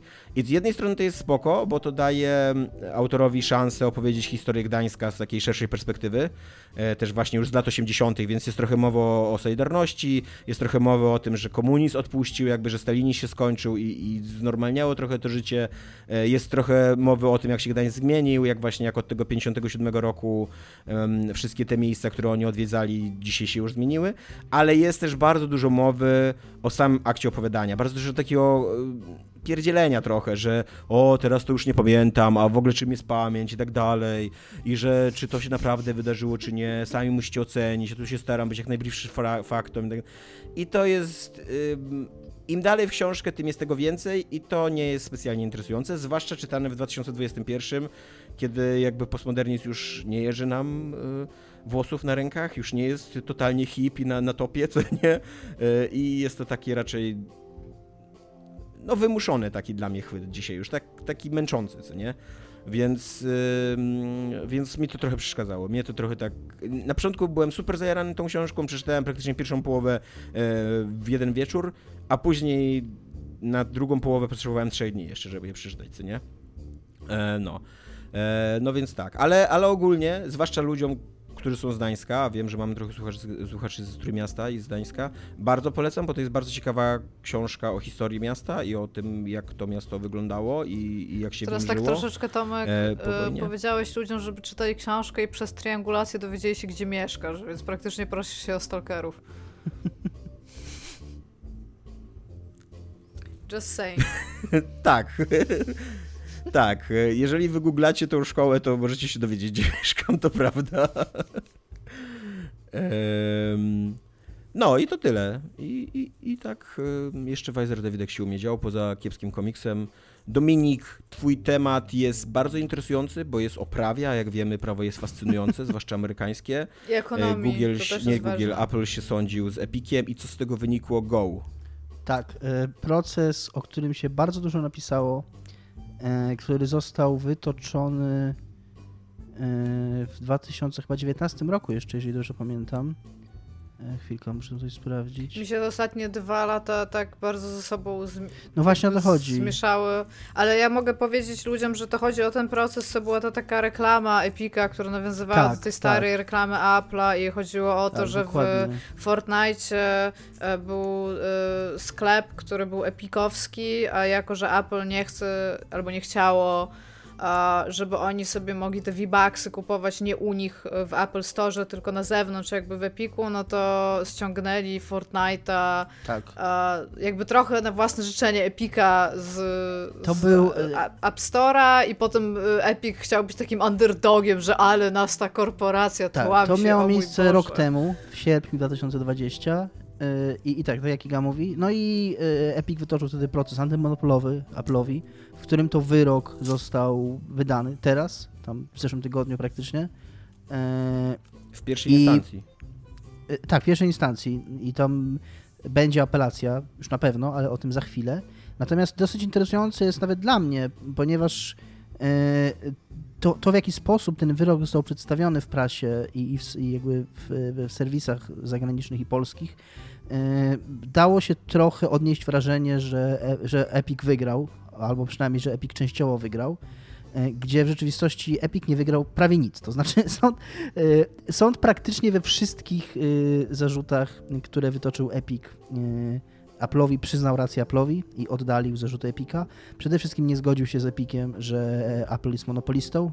To to był jakby centralny punkt tego procesu. I to, nad czym Epicowi zależało najbardziej, to było udowodnienie monopolistycznej pozycji Apple'a i w związku z tym wymuszenie E, jakiejś tam deregulacji, e, przepraszam, właśnie regulacji, e, a, a zmniejszeniu kontroli Apple'a nad tym, nad tym rynkiem. Sąd uznał, że nie, że, że, to jest, że to jest Apple'a sklep i Apple może takie warunki, jakie chce na tym, w tym swoim sklepie ustalać, że ma prawo, że tak jak wyrzucił tą grę ze sklepu, tak ma prawo tej gry nie przywracać, to znaczy to, są, to jest jego sklep, jego warunki i, i może E, te warunki egzekwować w takim zakresie, w jakim, w jakim to dotychczas robił. E, jedyne, jedyna rzecz, i, i przy okazji zasądził, że przeciwko Epicowi, że Epic musi zwrócić wszystkie koszty procesowe. Czyli jakby Epic jest totalnie na wszystkich frontach praktycznie przegranym w tym procesie, poza jednym, który to dotyczy nadużywania pozycji rynkowej przez Apple'a. Apple dotychczas zabraniał również mm, producentom gier odsyłanie poza te gry e, do innych sklepów, gdzie można kupić jakieś tam przedmioty. Czyli na przykład jako hiperłącze, że tutaj... Jako hiperłącze, jako mhm. jakiś odnośnik, jako... i jeszcze było coś takiego, że również zabraniał wysyłania maili, to znaczy jeżeli w aplikacji e, ty rejestrując się do gry kupionej na App Store ta gra pobierała twój adres e-mail, to również producent tej gry nie miał prawa wysyłać do ciebie e-maila informującego cię, że można gdzieś indziej coś kupić do tej gry, jak, jakieś, jakieś, yy, jakąś zawartość, jakieś, jakąś wewnętrzną walutę, coś takiego. I to jest jedyny punkt. Znaczy wciąż e, e Apple na przykład, Epic na przykład chciał, żeby Apple pozwolił im na żeby Apple w ogóle zrezygnował z tych 30%, które pobiera marży i żeby pozwolił Epicowi zaimplementować własny sklep, żeby mieć w Fortnite własne rozliczanie transakcji. Na to się sąd nie przystał. Apple wciąż mm, w grach mm, sprzedawanych na iOS i aplikacjach wciąż Apple mm, i sklep, i sklep iOS-owy może polegać w 100% na, na Apple Payu i na systemie rozliczenia Apple'owym i Fortnite nie ma prawa umieszczać tam alternatywnych rozwiązań, musi korzystać z rozwiązań Apple'owych. Jedyne, co może zrobić po tym wyroku, czego wcześniej, na co wcześniej się Apple nie zgodził, to umieścić link, informację i wysłać użytkownikowi e-maila, że jeżeli ma ochotę, to może się zalogować do sklepu pod tym adresem, wejść na jakąś stronę www i tam kupić coś, co się przypisze do jego konta i będzie również, jak będzie na tym koncie zalogowany w tej grze, no to też będzie tą zawartość miał. I to jest jedyne, to jest bardzo mało z punktu widzenia Epika, i również Apple. Po tym, po tym wyroku oczywiście pojawiły się bardzo szybko pytania dotyczące apelacji. E, I jak dzisiaj googlałem, to e, e, jeszcze kilka dni temu Apple mówił, że się zastanawia, czy będzie apelował ten wyrok. Natomiast natrafiłem na artykuł z wczoraj, że Tim Cook mówił pracownikom, że, że on już chce pójść dalej, to znaczy, że uznał, że ten wyrok jest dla nich korzystny i że są w stanie zaakceptować to, to, to lekkie z ich punktu widzenia ustępstwo e, dotyczące właśnie tych odnośników i możliwości odsyłania do jakichś zewnętrznych sklepów. Czyli mm, tak naprawdę mimo mi się wydaje, że ten taki entuzjazm początkowy, że tutaj się Epicowi udało coś wygrać, trochę wynikał z tego, że przez cały czas trwania tego procesu i od kiedy tak naprawdę, od kiedy on się zaczął, raczej wszyscy patrzyli na to z, takiego, z takiej perspektywy, że nie ma szans, żeby Epic coś na tym ugrał i że, i że tak dużo było podobnych spraw i, i że jest, taka, jest długa historia tego typu pozwów i że raczej amerykańskie sądy stoją po stronie utrzymywania status quo w takich sprawach, że jeżeli wiele lat tak to funkcjonowało, to mm, będzie to funkcjonować dalej i tyle. Yy, I jakby nikt nie wierzył w to, że coś się zmieni, więc informacja o tym, że się jakakolwiek jedna mała rzecz E, udało wywalczyć Epikowi, e, dawała taką perspektywę, że to jest jakieś zwycięstwo Epika, gdzie nie było to żadnego zwycięstwa Epika, co widać też właśnie na tym podejściu do apelacji. Już teraz wiemy, że Apple nie jest zainteresowany apelacją. Wiemy również, że Epic złożył już apelację i że, i że, i że będzie kontynuowana, yy, że, że, nie, że nie będzie tak jak mówiono, że w grudniu to wejdzie już w życie, i się uprawomocni, tylko pójdzie to i będzie to sprawa rozgrywana w sądzie wyższej instancji, więc e, nie jestem takim specjalistą od prawa, żeby teraz móc zgadywać, jak to się potoczy dalej. E, wydaje mi się, że te, widziałem takie komentarze i wydają mi się to rozsądne komentarze, że realistycznie Epic już w tej pierwszej instancji wygrał tyle, ile mógł tak naprawdę wygrać. E, ale to są panowie, którzy mają bardzo duże wirtualne penisy i praktycznie największe na świecie i, i, mają prawo nimi wymachiwać tak długo, aż, e, aż nie wiem co. I tak wszyscy będą to patrzeć i o tym pisać, więc to też jest ważne. Tak, nie? no tak, to prawda. Lubimy patrzeć, jak te wirtualne penisy są wymachiwane. E, natomiast e, z punktu widzenia mm, takich właśnie prawniczych E, rozgrywek, to zarówno Epic, jak i Apple mają, mówię, z, z, punktu widzenia, z takiego punktu widzenia mają praktycznie nieograniczone fundusze i mogą płacić tym prawnikom tak długo, aż będzie można tą sprawę zamknąć pewnie w Sądzie Najwyższym. Hmm. Mi się wydaje, no właśnie, że tak jak na początku tego procesu czytałem, że wiele osób od razu mówiło, że to się skończy w Sądzie Najwyższym, że to jest tak skomplikowana sprawa i tak ważna, yy, że tutaj jakby te niższe instancje de facto nie za bardzo mają coś do powiedzenia, co nie? Że to by musiało być rozstrzygnięte w Sądzie Najwyższym. Tak. tak. No to tam będzie finał, czekamy. Chyba, że, chyba, że doszłoby yy, do jakiegoś takiego kompromisu, bo to jest trochę kompromis ten wyrok, tak można na niego spojrzeć. Yy, ale, ale mm, być może musiałoby dojść do takiego, do takiego kompromisu, żeby, żeby Epic zrezygnował. Natomiast z tego, co ja widzę i, i z tego, jak się czyta komentarze Tima Sweeneya, to Epic jest, ma taką trochę, takie trochę podejście wszystko albo nic i oni bardzo silnie stoją na pozycji, że, że oni powinni mieć prawo po prostu umieścić w tej grze swój sklep i, i, i klikasz w tej grze, że chcesz coś kupić, to kasa pójdzie do nich i bez w ogóle udziału Apple'a w tym. I oni tego chcą, a z drugiej strony Apple na pewno się na to nie zgodzi dobrowolnie i to yy, gdyby, gdyby wyrok był w tą stronę, to, to Apple apelował na 100%, więc... Yy, Apple by apelował, nice. Co ciekawe jeszcze i warto tu o tym wspomnieć, ten wyrok nie ma żadnego przełożenia i nie będzie miał żadnego przełożenia na sytuację w sklepach konsolowych, e, czy też jeżeli chodzi o Steama, bo mm, bardzo szybko i jedną z podstawowych jedną z podstawowych takich punktów tego procesu było udowodnienie tego, że Apple zarabia na telefonach. Jakby bardzo ważną częścią było to, że ta marża, którą oni narzucają na sklepie, to jest dodatkowa marża ponad to, co oni już i tak zarabiają na dystrybucji tego sprzętu, gdzie e, w szczególności producenci konsol mm, jakby dosyć słynne jest i stąd było to, to, to złożone pod przysięgą zeznanie e, pracowniczki Microsoftu, że Microsoft nigdy nie zarabia, nie zarabia na nigdy nie zarabiał na sprzedaży Xboxa. I to, to było bardzo istotne z punktu widzenia tego procesu, żeby właśnie ustalić to, że, e, e, że, że to nie jest tak, że Apple w cudzysłowie żyje z tych marży, tylko że to jest po prostu dodatkowe pieniądze, które oni pobierają, bo mogą.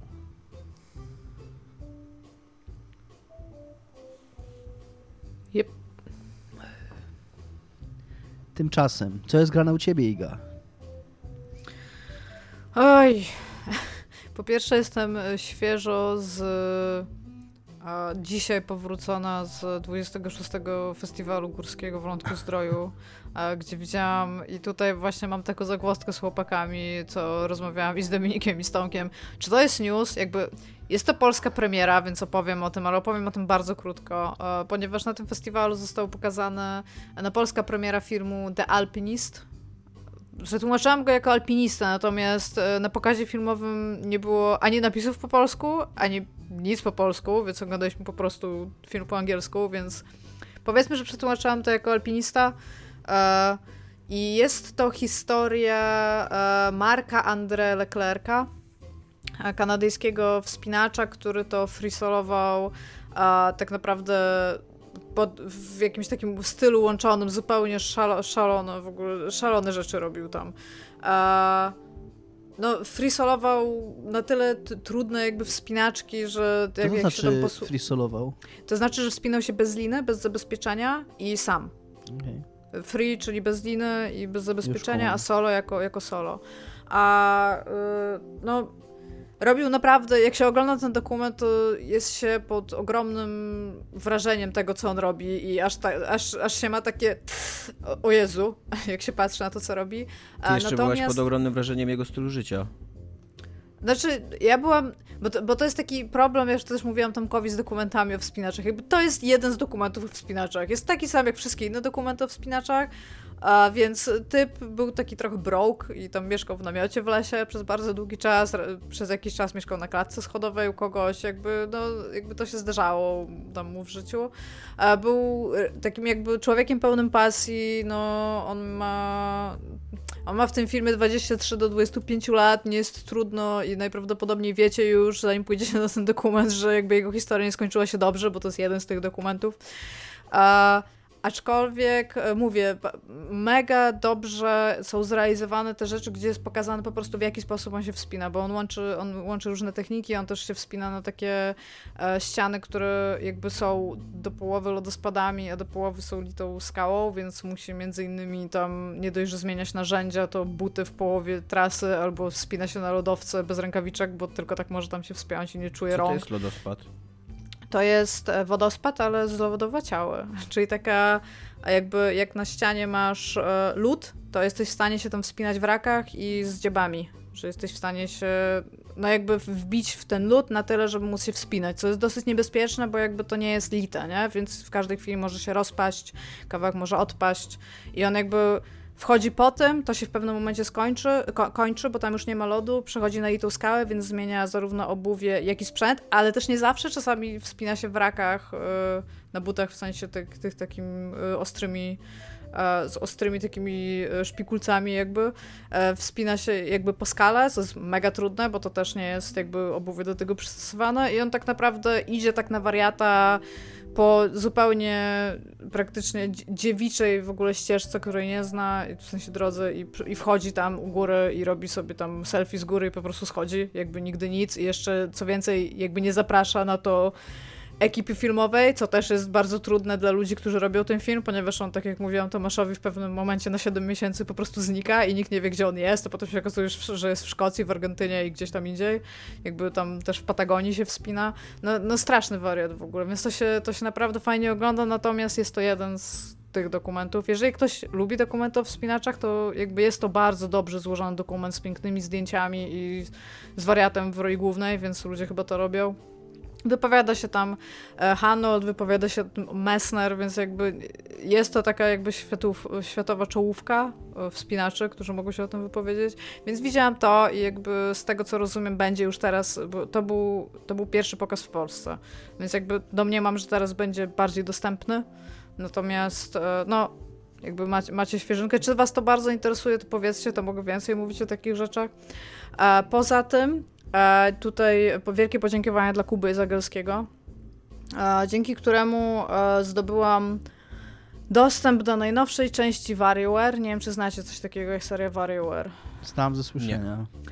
To była taka. To, WarioWare to zawsze był taki od, od, od niepamiętnych czasów ten Game Boya. E, seria gier, która skupia się jakby. Główną postacią jest Wario, ten jakby niegodziwy doppelganger, doppel, doppelganger, for fuck's sake, e, Mario z Mario Bros., e, który to w, w, tej grze jest jakby twórcą gier i to jest taki zbiór minigiereczek, ale takich naprawdę mal, malusich minigiereczek z przeróżną estetyką, o których e, zawsze chodzi w tym co, o coś innego i który zawsze, do tej pory przynajmniej, wykorzystywał jakiś charakterystyczny element konsoli, na który wychodził.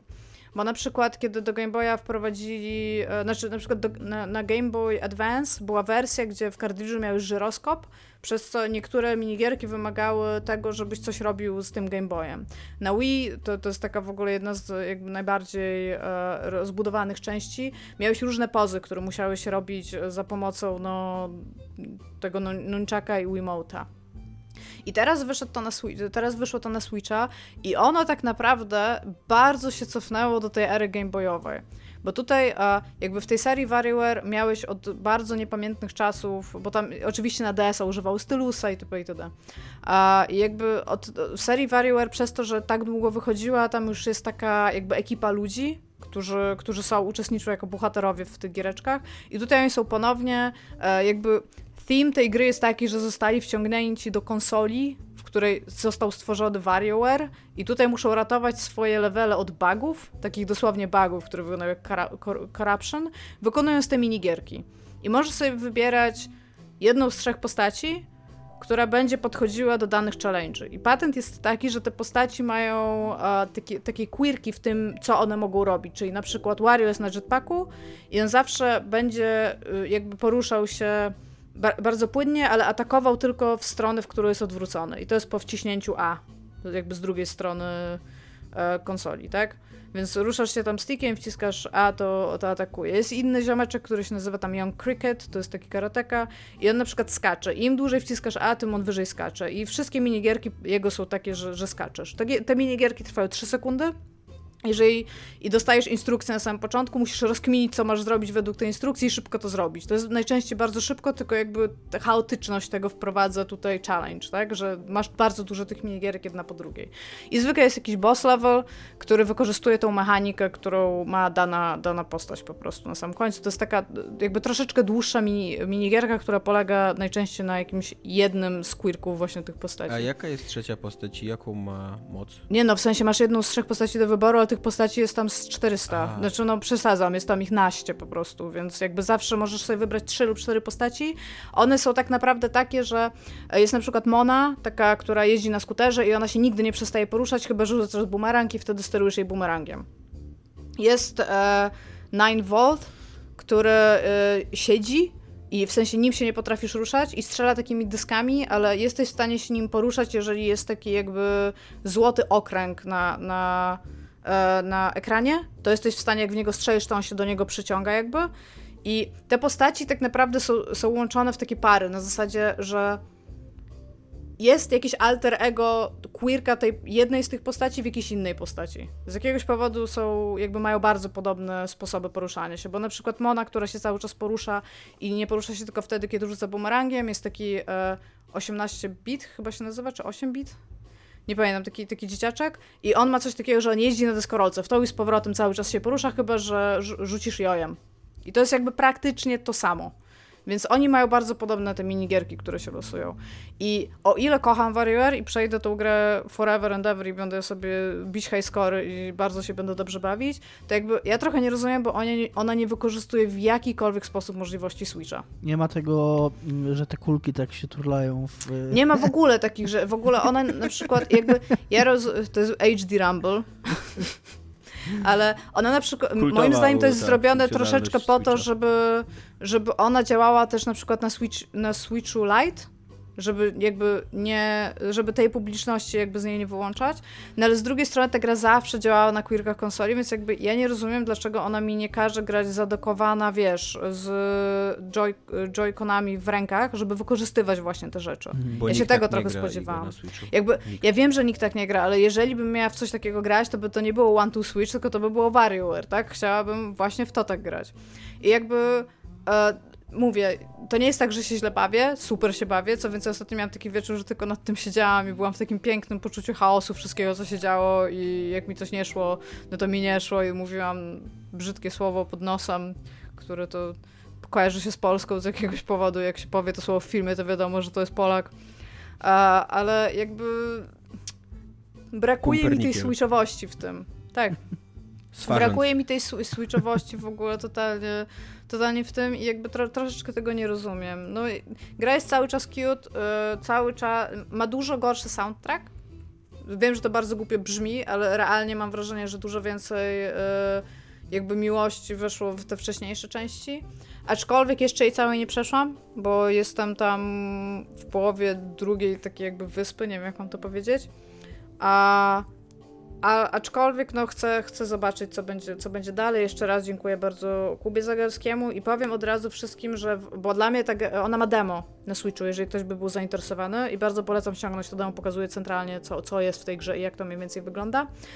E, nazywa się WarioWare Get It Together i jakby jest nowe WarioWare, które wyszło moim zdaniem spod kamienia. Jakby ja jako osoba super kochająca tą, tą serię dowiedziałam się, że istnieje demo tylko i wyłącznie dlatego, że jak e, odpalałam kiedyś coś na Switchu, to się tam pojawia taki featured items z lewej strony, jak się odpala. I tam było chyba trzecią, że wyszło demo. I ja siedzę, jakie demo w ogóle to wychodzi? Kiedy to wychodzi? się okazało, że wychodzi za półtora tygodnia. Więc tak, jak najbardziej polecam serdecznie wszystkie części WarioWare. Yy, oddaję głos do studia Iga Wysmańska. Dziękuję. E, tak, na koniec mamy sekcję komentarzy, e, bo będziemy już się zawijać w, w tym odcinku. E, I Michał K. pisze tak, o ile zawsze słucha się was e, bardzo przyjemnie, o tyle odcinki, kiedy nagrywacie na żywo mają inny vibe i nawet w waszych głosach słychać różnicę. Cieszę się, że jesteście miłego. E, też się cieszymy Michale K., że jesteś i miłego. I zgadzamy się z tobą chyba jednogłośnie, że tak, że mają odcinki na żywo inny vibe. Też nam jest lepiej nagrywać. Wydaje mi się, że dzisiejszy dzień jest bardzo dobry na ten odcinek, ponieważ ja mam dzisiaj wielkie problemy z internetem, co być może będzie słychać. Pozwól Mamy nadzieję, że nie. E, a i gdybyśmy siedzieli na, po prostu na żywo, to byśmy nie mieli tych Tak. problemów i moglibyśmy nagrywać bez problemów. I czasem się zdarzają takie sytuacje. Dominik czasem się musi przez komórkę łączyć na przykład. No i tak. I, więc, więc, a potem też lubimy się. Tak mi się wydaje, że mogę w naszym imieniu wszystkich powiedzieć. Ja was lubię. Ciągle nie do końca jestem pewna, czy Dominik lubi mnie. No właśnie Dominik jeszcze nic nie powiedział, co nie? Jakby... To jest taka skomplikowana relacja tutaj emocjonalna, która istnieje pomiędzy mną Jest a taki- Dominikiem.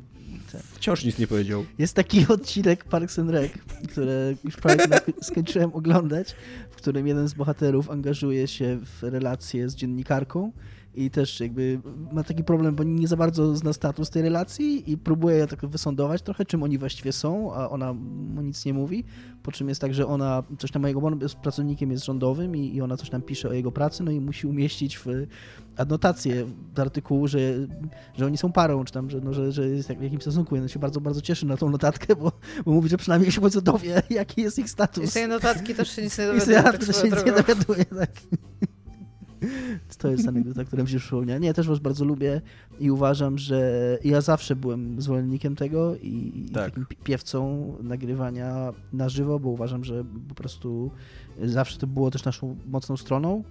Jeszcze za czasów nieczystych zagrywek i później jak zaczęliśmy nagrywać niezatopialnych i bardzo tego pilnowaliśmy, żeby jednak się spotykać e, i nagrywać na żywo. No teraz po prostu z takich obiektywnych powodów tego nie robimy, ale, ale cieszę się, że, że to słychać.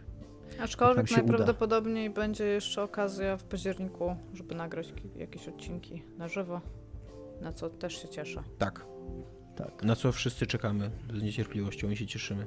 I też, no tak, jest lepsza chemia, jak wszyscy jesteśmy w jednym pokoju, my to wiemy, wy to wiecie.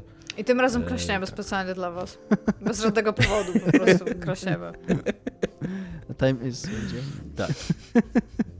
E, miałem oczywiście na początku przypomnieć o Patronajcie, ale tego nie zrobiłem, ponieważ chaos dzisiaj rządzi. E, więc przypominam teraz o Patronajcie. E, jeżeli chcielibyście wspierać naszą pracę, to super, to jest taka strona, na której możecie to robić. Jeżeli nie chcecie albo nie stać was, to też super, jakby nic, nie zamierzamy nic ukrywać nigdy za paywallem, będziemy cały czas za darmo. Dziękujemy wszystkim, którzy już nas wspierają, jesteście wspaniali. E, zwłaszcza przy dzisiejszych cenach chleba, to e, pieniądze się liczą. E, Swoją tak, drogą, I tyle, i mm, to... pieniądze się liczą, inflacja ci w górę, nasz Patronite stoi w miejscu, więc właściwie to... Ogarnijcie się. What the fuck? Ja się tutaj nie podpisuję pod tym, co powiedział mój no, żartuję. Żartuję, szczerze mówiąc jestem zdziwiony, jak wysoko mm, szybuje cały czas, także nie tak, że, że zniechęcam od wpłacenia więcej, ale Dominik, weź po prostu zamilknij. Chyba tak, chyba tak. Bądź piękny i milcz, to jest też ważne czasami. Facetów się o tym bardzo rzadko uczy. Kobiety wiedzą, że czasami trzeba być po prostu pięknym i milczeć. No. No, to dobra, to tyle, co mamy dla was na dzisiaj. Tak, cześć. Cześć.